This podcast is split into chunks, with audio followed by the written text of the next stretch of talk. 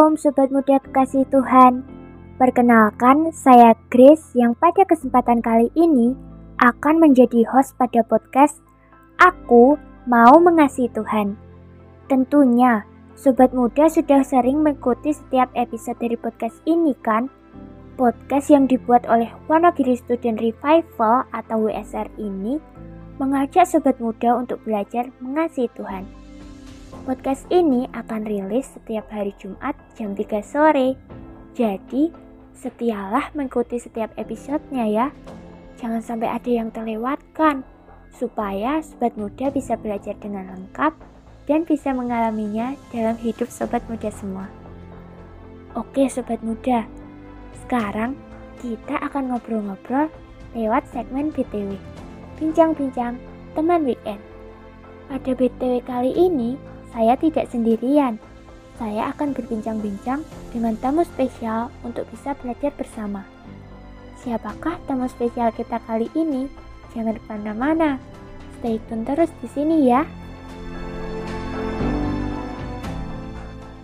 BTW kali ini merupakan episode pertama dari topik karakter murid Kristus dengan tema kasih dan kerendahan hati.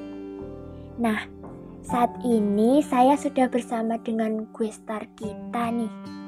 Ada yang bisa tebak nggak nih siapa? Ya, betul. Kali ini saya sedang bersama Mbak Lia. Yuk kita sapa dulu. Halo Mbak Lia, apa kabar? Sehat-sehat kan Mbak? Halo Grace, puji Tuhan kabarku baik dan sehat.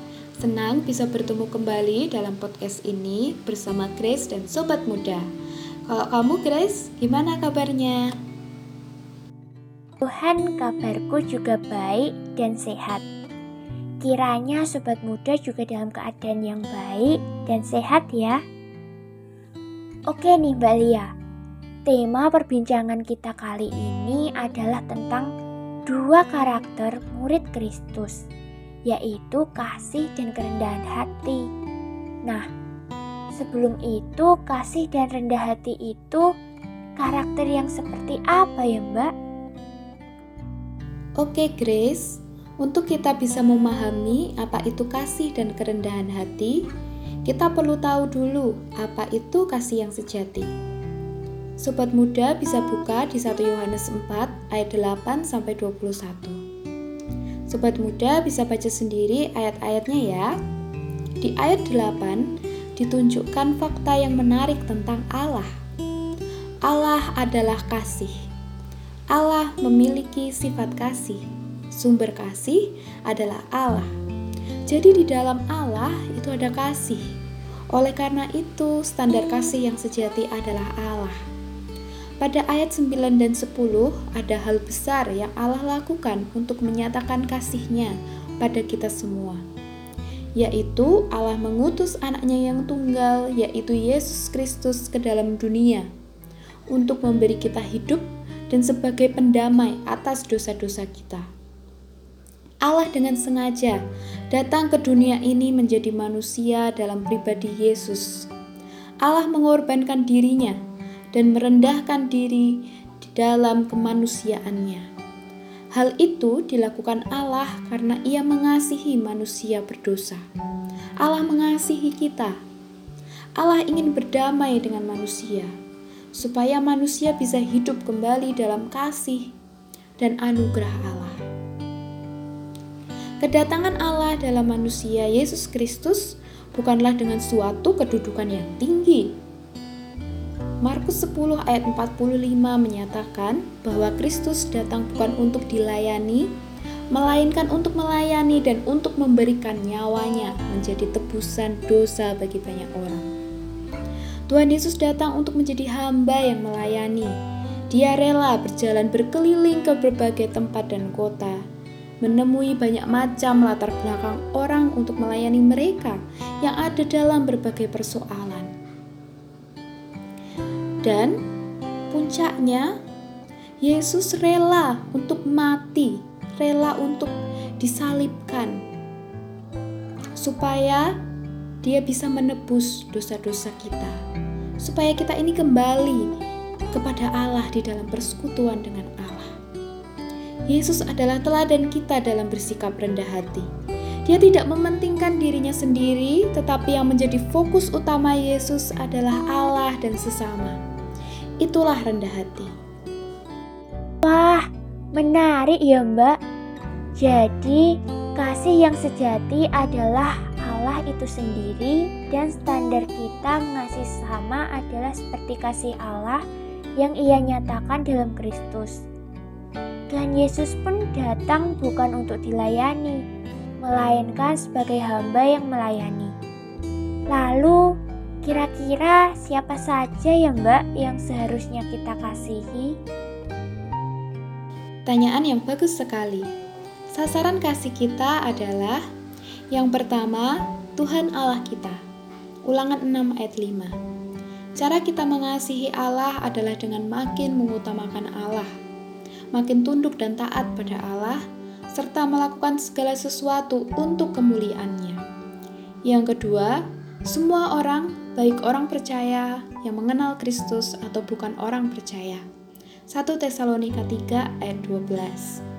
Yang ketiga, musuh atau orang yang membenci kita atau orang yang sedang berkonflik dengan kita. Lukas 6 ayat 27. Dan yang keempat, sesama orang percaya yang berkonflik dengan kita. 1 Petrus 4 ayat 8. Sangat mungkin sekali di dalam relasi kita dengan orang yang sama-sama percaya kepada Tuhan Yesus itu timbul konflik di dalamnya. Oke Mbak Lia, lanjut nih. Gimana ya caranya kasih itu kita nyatakan pada keempat sasaran kasih kita tadi? Melalui apa ya Mbak? Ada tiga cara kasih itu kita nyatakan, yaitu lewat sikap, perkataan, dan perbuatan. Kita akan bahas satu persatu ya. Yang pertama, sikap. Di dalam kasih ada kerendahan hati. Menurut 1 Petrus 5 ayat 5 dan 6, sikap rendah hati dipraktikkan dengan merendahkan diri seorang terhadap yang lain dan merendahkan diri di bawah tangan Tuhan yang kuat. Kerendahan hati adalah wujud dari kasih. Saat kita sedang merendahkan hati, kita sedang mengasihi orang itu dan mengasihi Tuhan. Sikap rendah hati adalah kita memposisikan diri kita sesama dan Tuhan dengan tepat, yaitu memposisikan Tuhan yang paling utama dan orang lain lebih utama daripada diri kita sendiri. Lawan dari sikap rendah hati adalah kesombongan atau tinggi hati. Kedua hal ini berpusat pada diri kita sendiri atau keakuan kita, atau yang paling utama adalah diri kita sendiri.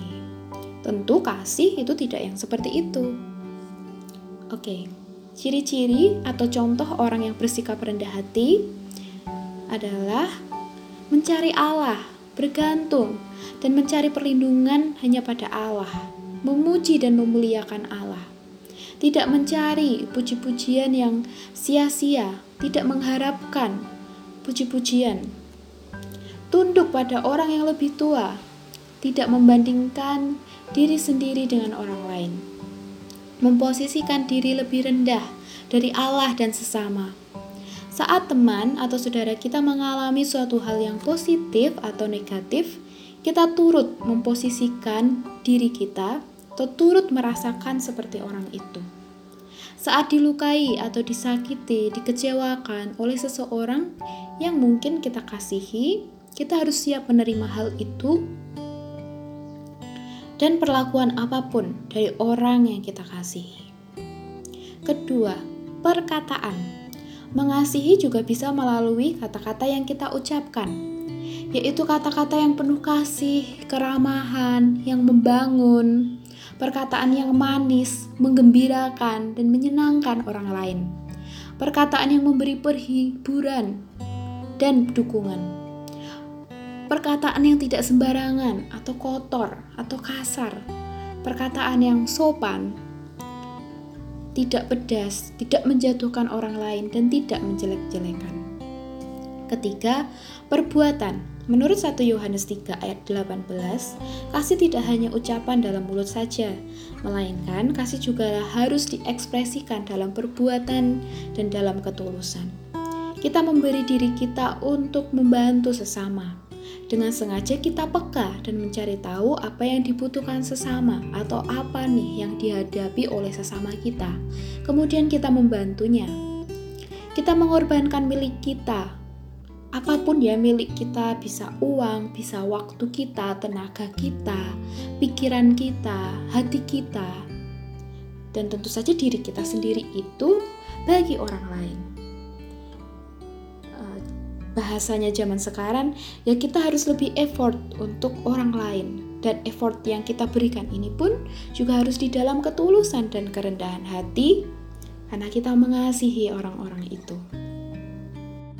Nah, jadi dari semua yang sudah dijelaskan tadi nih Mbak, kesimpulan apa sih yang bisa kita ambil tentang dua karakter murid Kristus itu?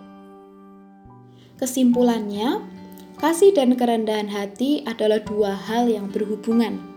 Karena di dalam kasih ada kerendahan hati.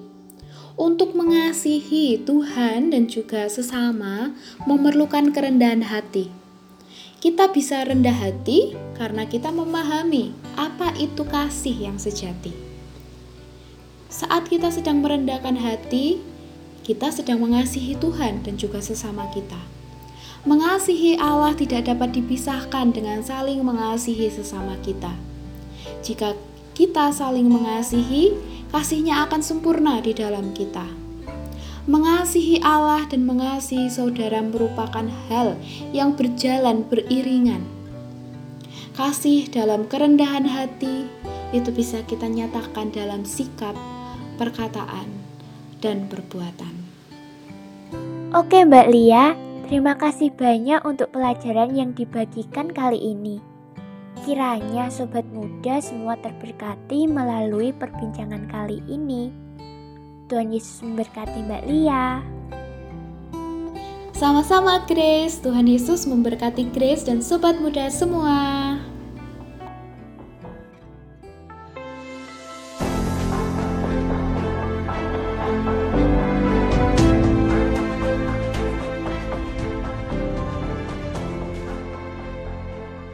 Sobat muda kekasih Tuhan, senang sekali ya hari ini kita bisa belajar bersama lewat bincang-bincang teman weekend. Sobat muda, jangan sampai terlewatkan untuk mendengarkan bincang-bincang teman weekend minggu depan ya.